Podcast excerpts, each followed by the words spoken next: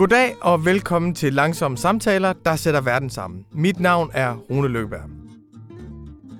Jeg har i denne uge talt med en, som jeg i lang tid har glædet mig utrolig meget til at tale med. Det er den kun 27-årige britiske økonom Grace Blakely. Grace er født og opvokset i 90'erne i en tid, hvor venstrefløjen var væk, og kapitalismen var det eneste, der var tilbage og hvor det at være venstreorienteret betød, at man må bide tænderne sammen og håbe på, at man kunne få en lille smule ekstra på nogle symbolpolitiske områder, og ellers bare erkende, at kapitalismen havde vundet. Men så kom finanskrisen og rev det hele fra hinanden, og den dengang 14-årige Grace Blakely tænkte, at hvorfor har vi ikke nogen kritik af det her? Hvordan kan det være, at vi ikke har nogen kritik af kapitalismen, når det nu er os, der skal ind og redde den? Og hvordan kan det være, at vi ikke har noget alternativ?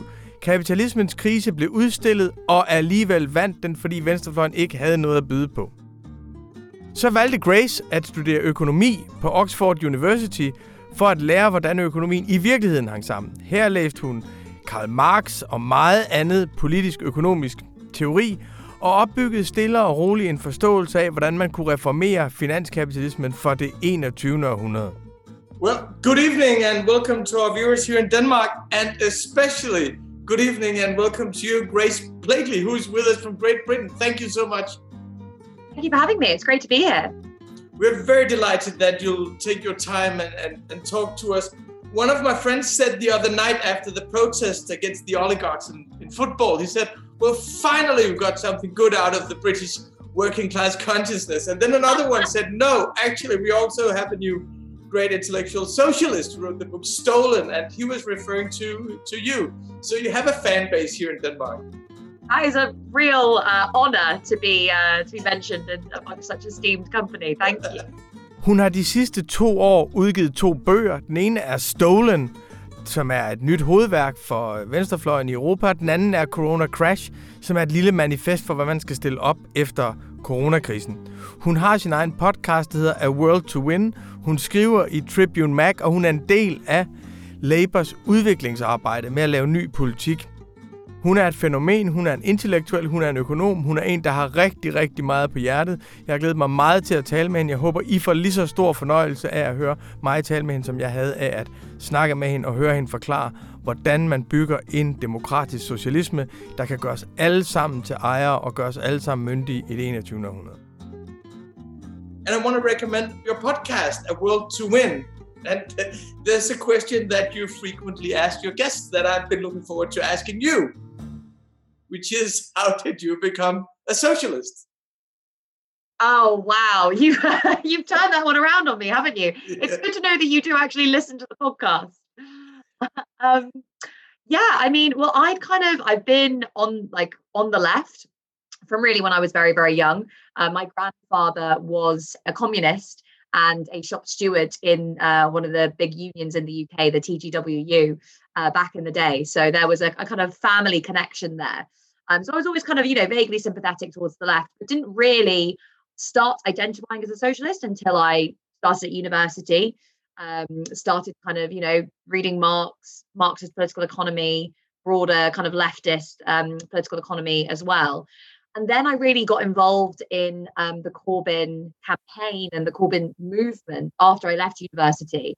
Um, so I finished, I graduated in 2014 and finished my master's in 2015. So after that point, I then um, went to kind of work for a think tank and became much more involved in, in the Corbyn movement, I suppose. And it was at that point that I really started thinking much more about uh, what it meant to be a democratic socialist, the kinds of policies and um, and you know methods of organising that um, really need to underpin that. Um, so yeah, I think you know it's been a kind of steady journey from quite a young age up into up until this point in time, when obviously the socialist movement in the UK and around the world um, is, uh, you know, dealing with both a series of election losses and the impact of a global pandemic, and we're really thinking, where do we go next? It's funny because we, we're chronically in love with all progressive movements here at the this newspaper. This means that we're also very often very disappointed, and we've been talking a lot about what actually came out of the momentum movement because at a time it was such an interesting moment that you had a protest movement within the old Labour Party and the Social Democrats were going down all over Europe. and the Labour Party seemed revitalized at that time. So you, actually, you're one of the products of the momentum uh, movement. We're two different generations. Uh, I'm, I'm a lot older than you are, and I, I was born in '74, and I was always disappointed with the left because you know I grew up with the expectations that were f- shaped by the, the golden age of capitalism, mm. uh, what the French call le trente glorieux. So I just felt that I feel that my life has been right turn, right turn, right, you know, losing all the all the time. And and I'm I'm curious about you because you're born in in '92 and you write a little bit about it in in uh, in the book where in Stolen where you said those in education when the financial crisis hit for those the spell of capitalist realism was was broken. And it seems to me that you didn't grow up with the disappointment of the old left uh, but more into a reality where you didn't expect a lot from the left and then came this moment yeah absolutely i mean the kind of um, the only real contact and connection i had with that old left was through my family and through my grandfather who himself was you know very kind of uh, skeptical by the end of his life about the achievements that the left had made. So, you know, when I was kind of going into university, there wasn't really much of a left to speak of. I mean, so after 2011, when you'd had Occupy and the student movement in the in the UK, started to get a, a bigger coalition of activists coming together to resist austerity. And of course, that resistance to austerity was a really big and, and, and foundational part of what ultimately became the Corbyn movement. But there wasn't really a kind of coherent left to speak of in the way that there is today. And that was really a result of, you know, several decades of neoliberalism.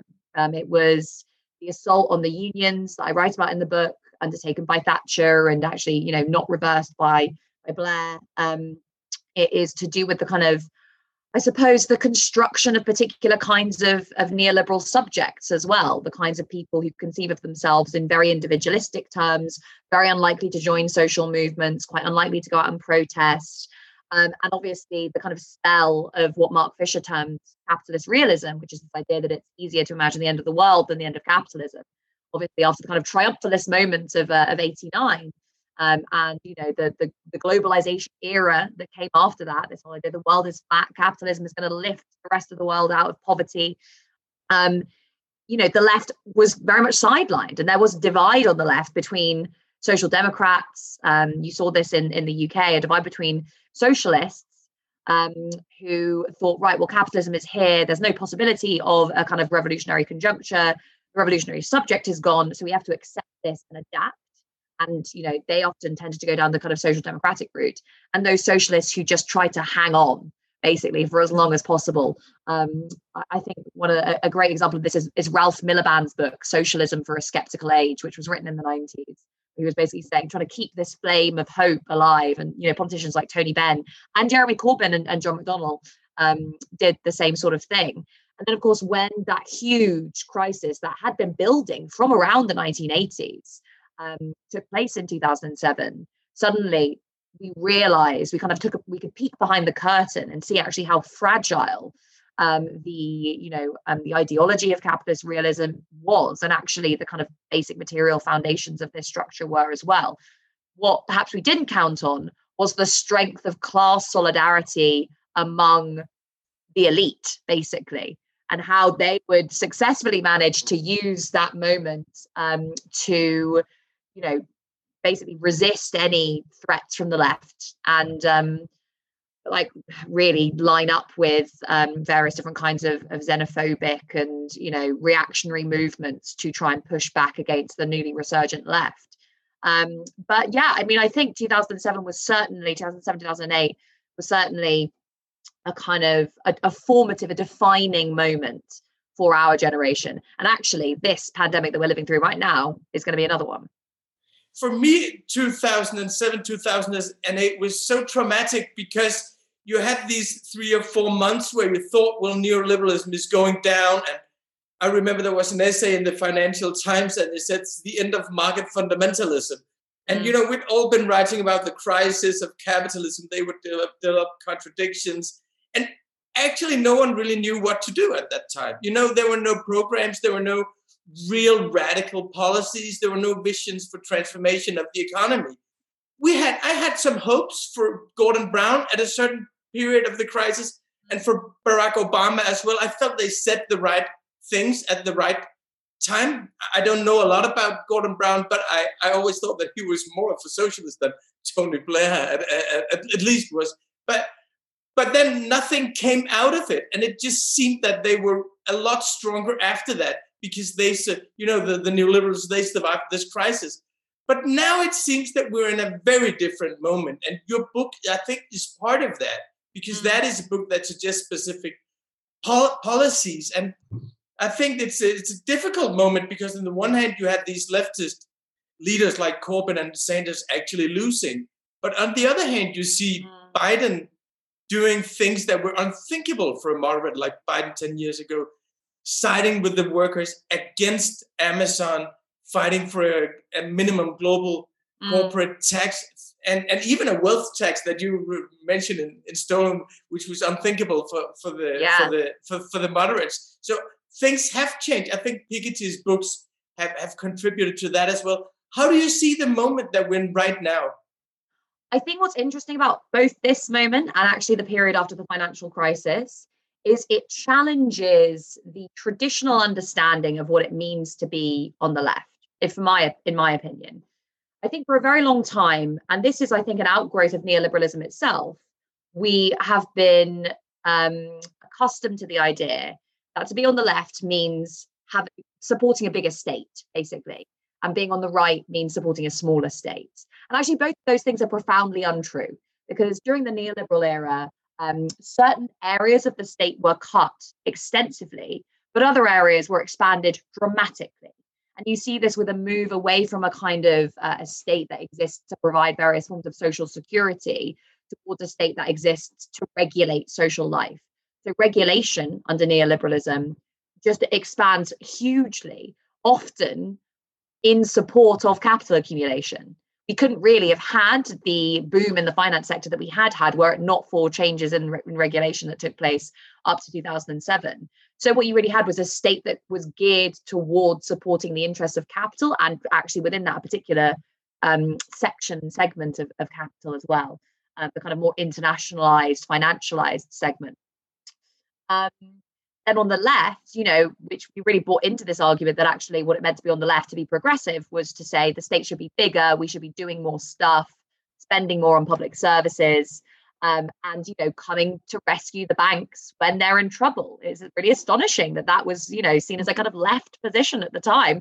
The left that's been saying, you know, the Labour Party wanted to nationalise the banks only you know in the in the post-war period um, as a way of kind of you know transforming um, the allocation of, of capital. And then, you know, it suddenly became a left position to say, oh, we'll very briefly nationalize the banks and then immediately privatize them again without imposing any concessions on them or any demands on them whatsoever.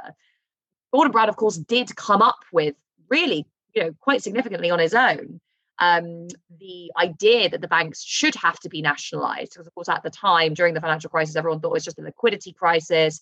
They just need a, a, you know more loans from the central banks. We just need to pump liquidity into the system. Gordon brown realized the banks were insolvent. They weren't just illiquid. He said that means that we need to basically buy them up and find a way of separating the good a- assets from the bad assets.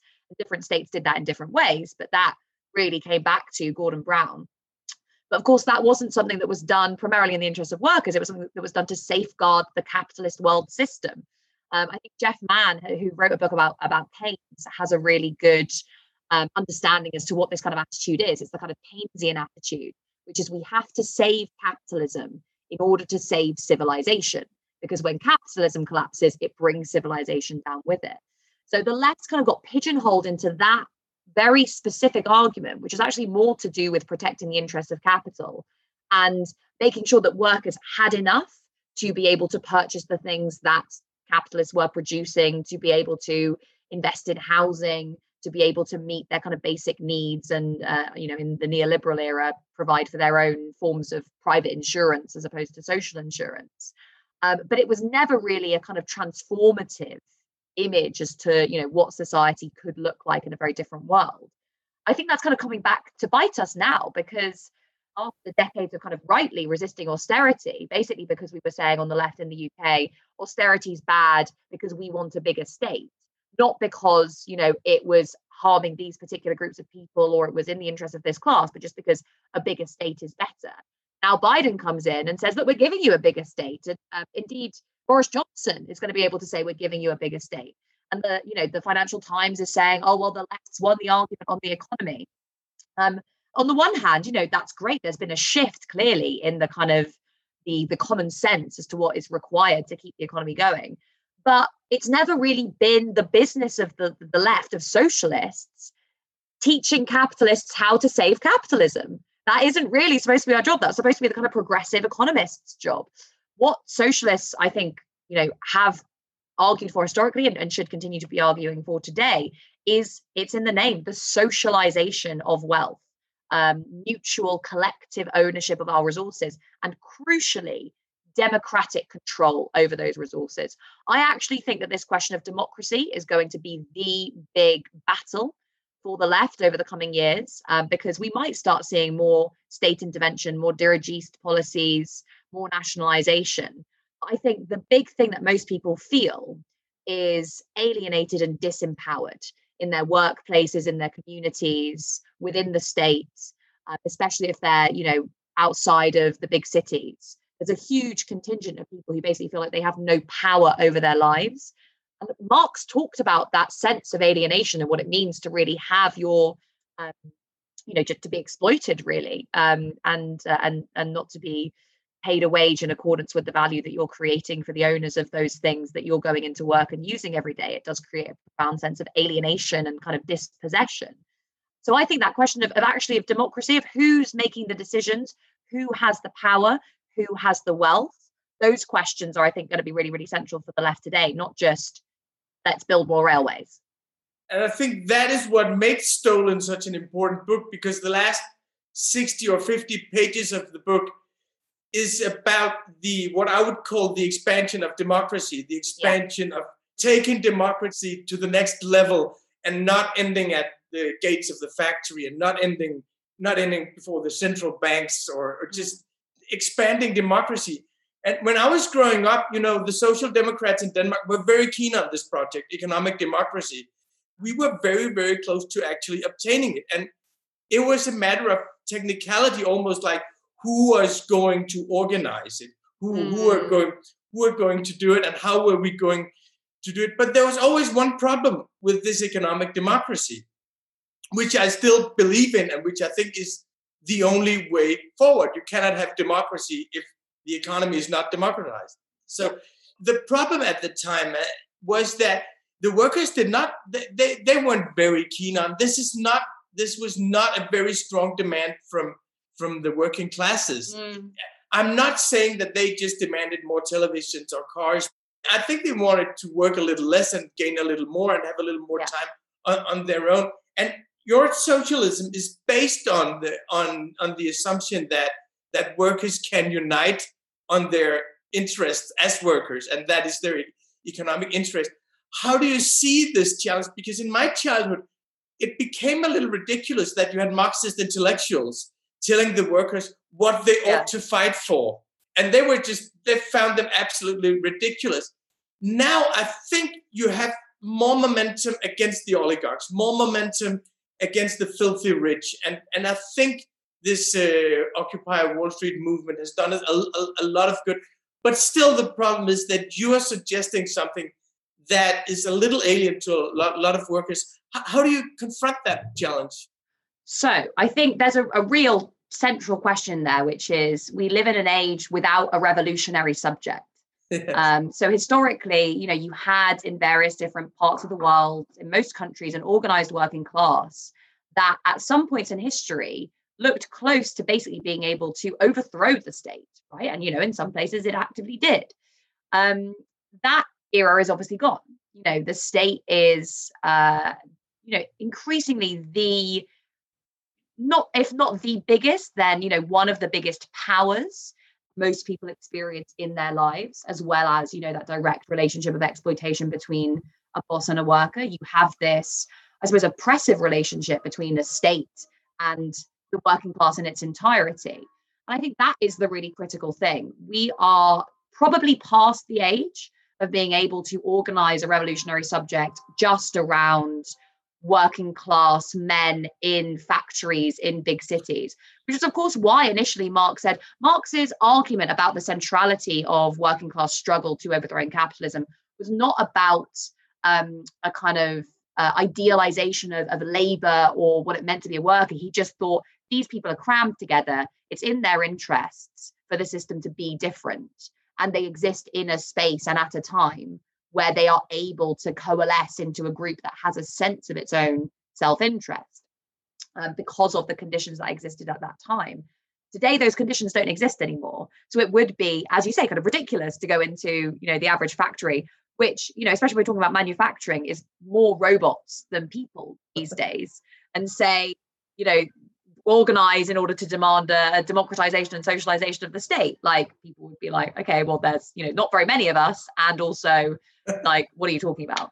Um, so there is this question as to how to build a much wider coalition of working class people um, in order to um, yeah i suppose you know really unite the working classes in in all its diversity. And that is that is the thing i think that, that question about diversity because a lot of this a lot of the change the emphasis on democracy as opposed to just socialization really came in with the 60s when you had these kind of uh, these protest movements you had the feminist movement you had anti-war movements um, you know and all sorts of different social movements ended up cropping up uh, and there was a big divide on the left obviously between the kind of you know to use a caricature the kind of hippie students and the yes. hard-hatted working classes, right? Exactly. And it was a divide actually that politicians like um, like Nixon, for example, exploited.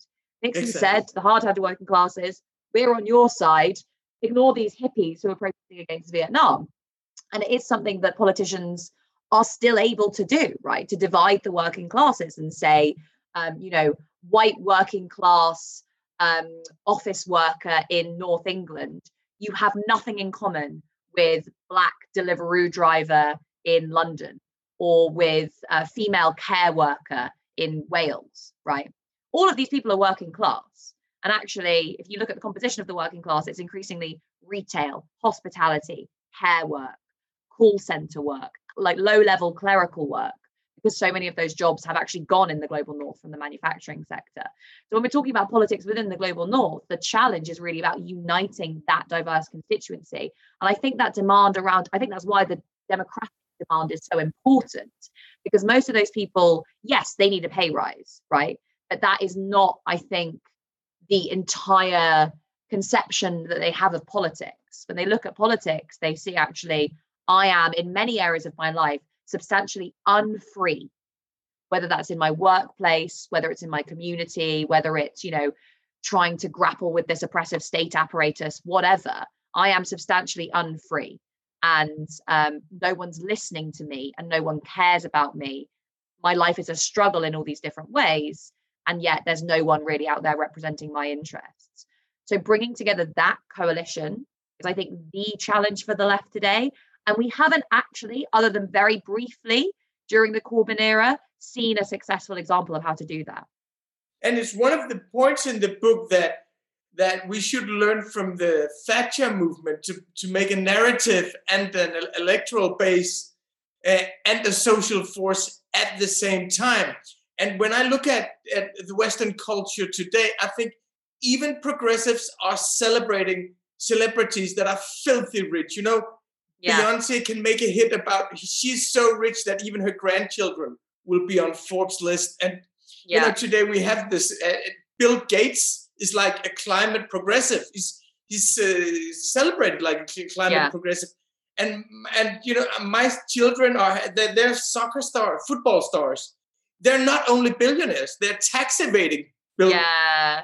billionaires. And you see this whole wave of sympathy for I don't remember what was the name Meghan Markle. Yeah. You know, you know, between two kinds of up, upper classes, and and I think there there needs to be some kind of cultural revolution is a big word for it. Uh, but but how do you see this challenge of building this narrative, and where do you see the sources of it? You could definitely point to some things like the movies of Ken Loach, or something like mm. that. So, yeah, I mean, what what we have absolutely lost, you know, we've had this kind of um, I suppose the, the legacy of the 60s has perhaps been more enduring than the legacy of, you know, the post-war era, right? In the sense that it became quite easy for the neoliberals to co-opt a lot of the language of movements against kind of, you know, patriarchy and white supremacy and all these different things, and then say, okay, well, you know, feminists just want us to make sure that you know the top paid ceos who are women earn the same as the top paid ceos who are men right yes. and you had you know lean in and ridiculous spectacles like when you know the cia tweeting about how it's uh it supports black lives and you know article that was written in the us about how uh, that there was more female CEOs of weapons manufacturers than ever before. And this was supposed to be something that we were all celebrating and finding absolutely amazing you see it everywhere you know whether it's in politics of women on the right saying oh i'm in power so that's a victory for feminism thatcher saying exactly the same thing even as she perpetuated a pretty horrendous um, uh, you know economic model that damaged women uh, very very badly what is missing from all of that is obviously the central thing which is class now it is important to recognize diversity within the working class but it is also important to recognize that the working class has a coherent set of interests that are directly opposed to elites everywhere of all colors, genders, whatever. Um, there is always this kind of essential and inherent divide between these two groups.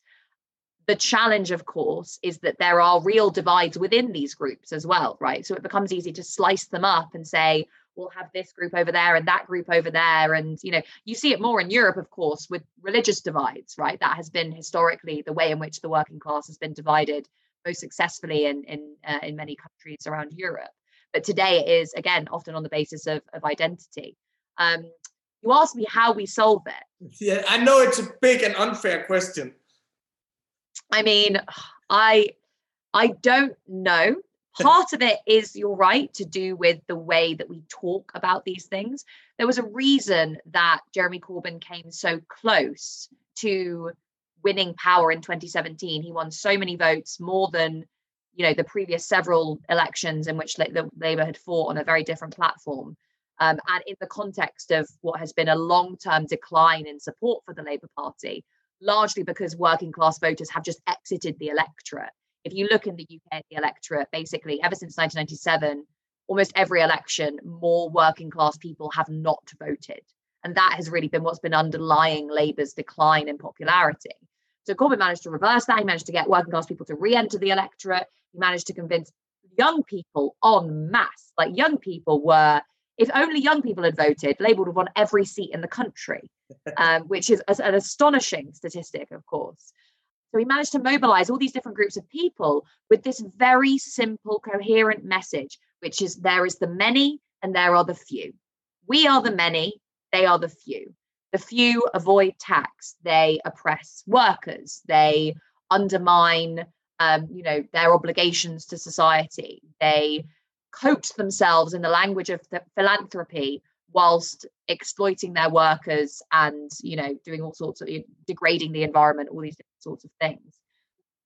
So that language that oppositional language is really really important in beginning to give a sense of class power in the UK only for that coalition to be split immediately down the middle by Brexit I, I, always thought that was a vulnerability for that coalition, Brexit, because I, I, don't think many of the young students would like to be a part of the European Union, and, and the other part of the coalition didn't want to. Yeah. The, eh, there, there's a distinction that you make, and I really appreciate that you make it between the socialists who want to replicate the golden age of capitalism, social democracy, and then those who want something new, because that is part of, I think, the wider left momentum that people actually call themselves proud socialists. I mean, I yeah. remember when every time you should you wanted something, uh, you started saying, "Well, I'm not a communist, and I don't support Fidel Castro, and I never supported Ceausescu, and I hate the oh Soviet oh Union." Gosh, yeah.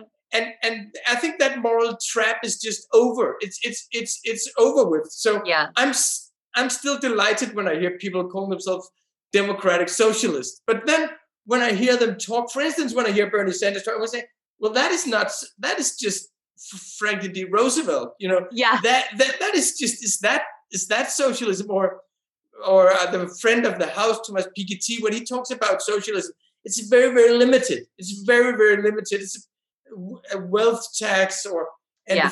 and uh, you know, and you say you're very strict that this is not enough. So how do you distinguish between the democratic socialism for a new era and and what we could call the nostal- nostalgic socialists?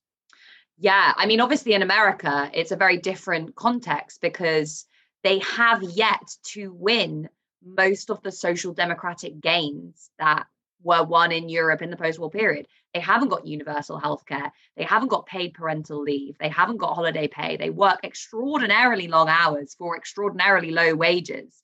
So there is so much there's so much ground to cover for them. I mean, the biggest fight ultimately, I think, for the US left is going to be universal healthcare because you cannot have a working class movement in which someone's ability to live is tied to their employment because they're not going to go on strike. They're going to lose their health insurance. Like it's, you know, an impossible situation. So it's understandable that that is what they're focusing on, but it absolutely isn't enough.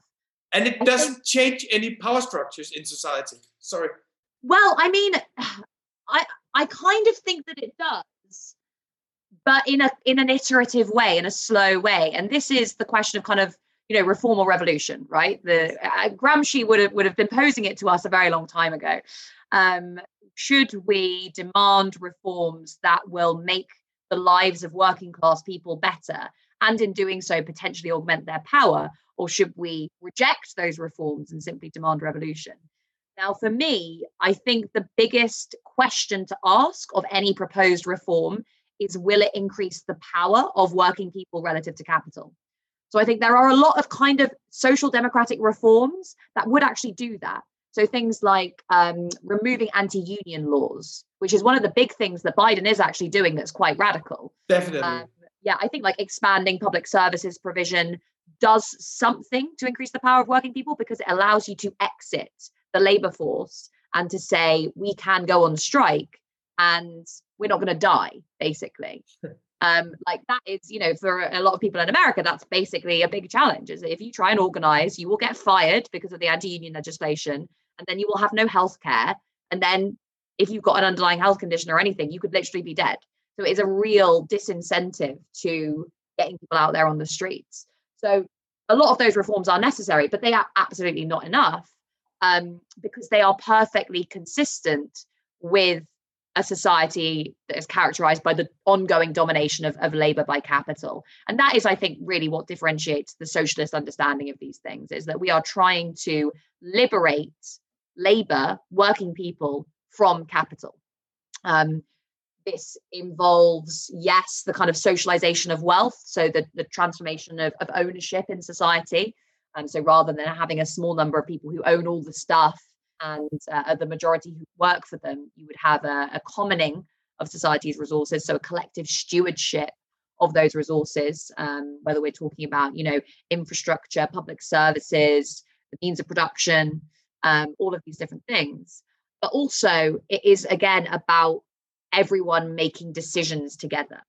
And this, I think, is increasingly the kind of big linchpin, as I was saying. It's not simply enough to say we are going to nationalize the railways or we're going to, you know, expand public services. You have to be able to say how this is going to make a difference to ordinary people, how it's going to augment their power, and how it's going to answer this challenge that I don't have a voice. I think that is really, you know, I speak to people about this all the time. One thing that keeps coming up over and over and over again People say politicians are all the same. They don't listen to people like me. There's no point turning out to vote because I can't change anything.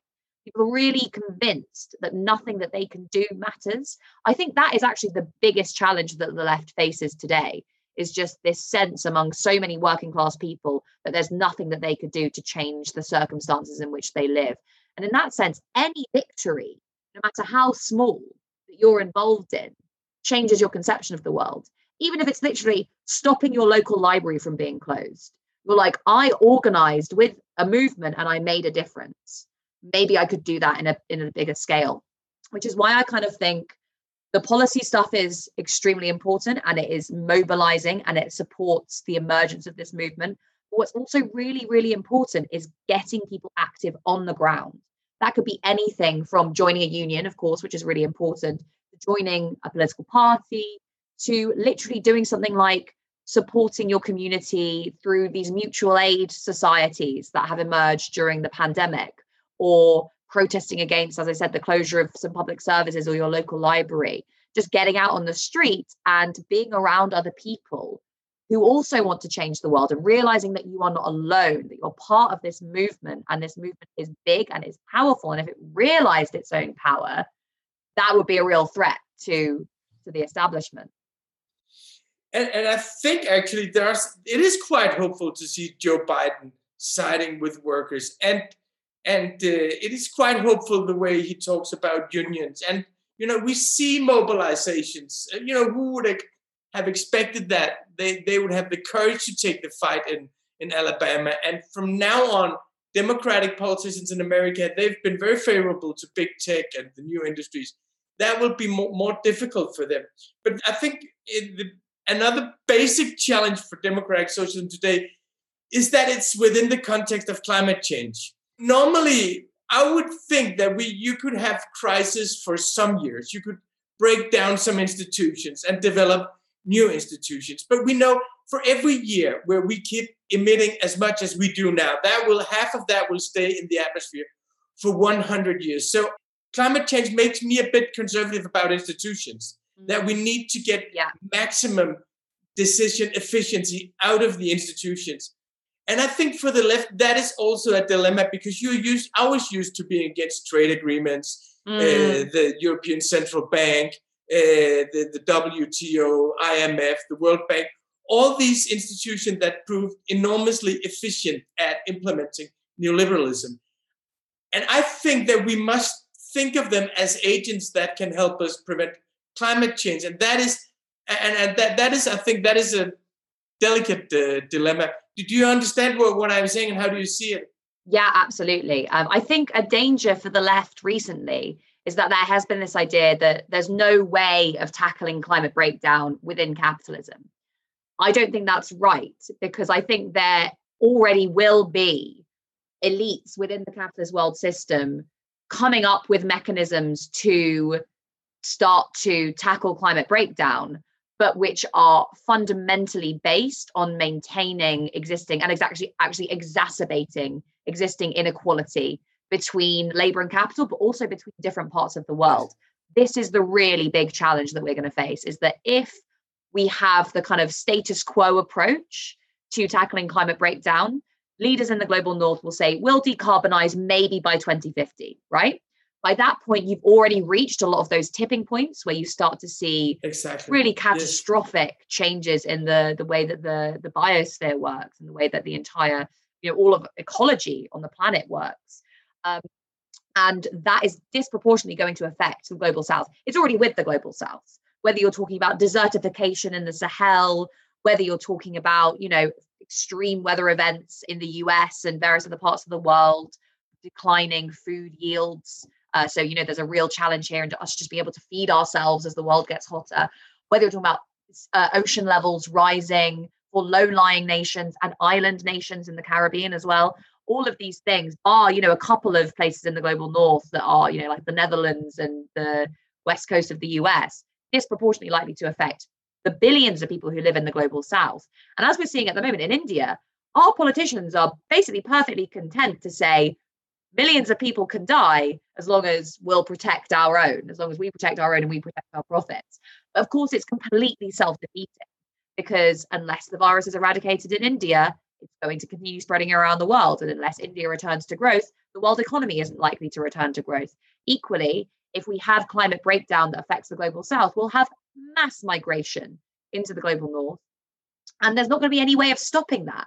No matter how, you know, how many kind of eco-fascist Marine Le Pen say the big challenge of our age is going to be, you know, strengthening Fortress Europe. You're just not going to be able to stop those millions of people moving because their homes will be underwater, right? So there is just a real, um, real kind of concern here that yes, our politicians are increasingly looking to try to decarbonize their economies and try to reach net zero and to um, you know implement all these reforms that allow us to get to a form of green growth if that's possible.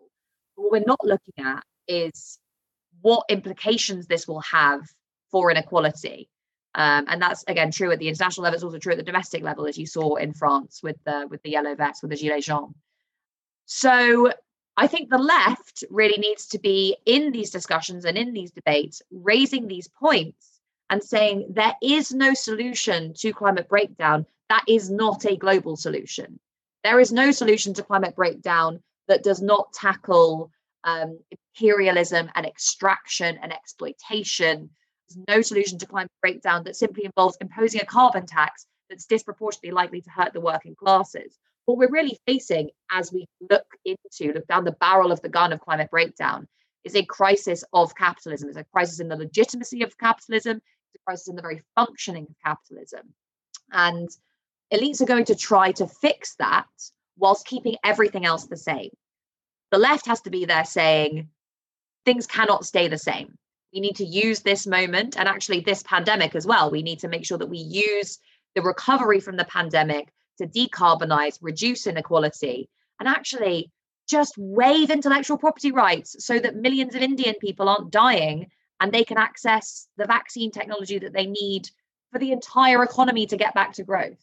It's profoundly um, short sighted for us to be behaving in a way which is to say, we'll just emit as much as we want, we'll keep our intellectual property, we will not uh, have any debt write off for the global south because they're the people who produce everything that we literally use to survive. Even the vaccines are produced in in uh, in, in India, exactly. which is the most ridiculous paradox. Well, time is running out, unfortunately, but I have one last question uh, for, for you. And I think something that makes Stolen a very, very strong book is that it deals with financialization fundamentally and that also shows it's a new generation it's a generation that wasn't shaped by the thinking of the 40s 50s and mm. 60s and i was thinking what would be your first two or three demands on your first day in office as a as a democratic socialist leader of, of your country what would be your first two or three uh, uh, initiatives right so one remove anti trade union legislation, empower the trade union movement. Two, implement a wide ranging Green New Deal that involves decarbonisation, jobs creation, infrastructure investment, and nationalisation of key parts of the energy and transport infrastructure. Three, renationalise the central bank and use it to support those policies that I outline in that book um, so things like a national infrastructure bank, uh, a people's asset manager, those kinds of big transformations in ownership. And actually, the biggest challenge that we have, particularly in the UK and the US at the moment, central banks creating tons and tons of money, pumping it into the financial system, pushing up equity prices, pushing up house prices, massively exacerbating inequality. Um, and that we need to put to an end. I think we have to do it by renationalising the central bank. Well, I absolutely agree with you. And thank you so much. It's been a pleasure and a privilege talking to you. Thank you for taking your time. And we will continue to follow your work and let us inspired by what you do and how you think. Thank you so much. Thank you so much for having me. And I hope that when my next book comes out next year, I'll be able to come and speak to you in person. Thank you. We'll invite you, that's for sure. Thank you very much. Bye bye. Det var så min samtale med Grace Blakely. I næste uge skal vi et helt andet sted hen, men vi bliver i det samme spor. Det er nemlig den 83-årige professor Anthony Giddens, som jeg har talt med. Dengang Grace Blakely voksede op, og der ikke var andet end kapitalismen tilbage, der var Anthony Giddens den store tænker for Labour-partiet i Storbritannien. Det var ham, der definerede den tredje vej. På den ene side kan man sige, at den tredje vej skaffede Labour deres tre eneste valgsejre i 30 år. På den anden side må man også sige, at det var den tredje vej, der gjorde, at venstrefløjen var fuldstændig forsvarsløs, da finanskapitalismen bullerede, og da krisen gjorde, at det hele faldt fra hinanden.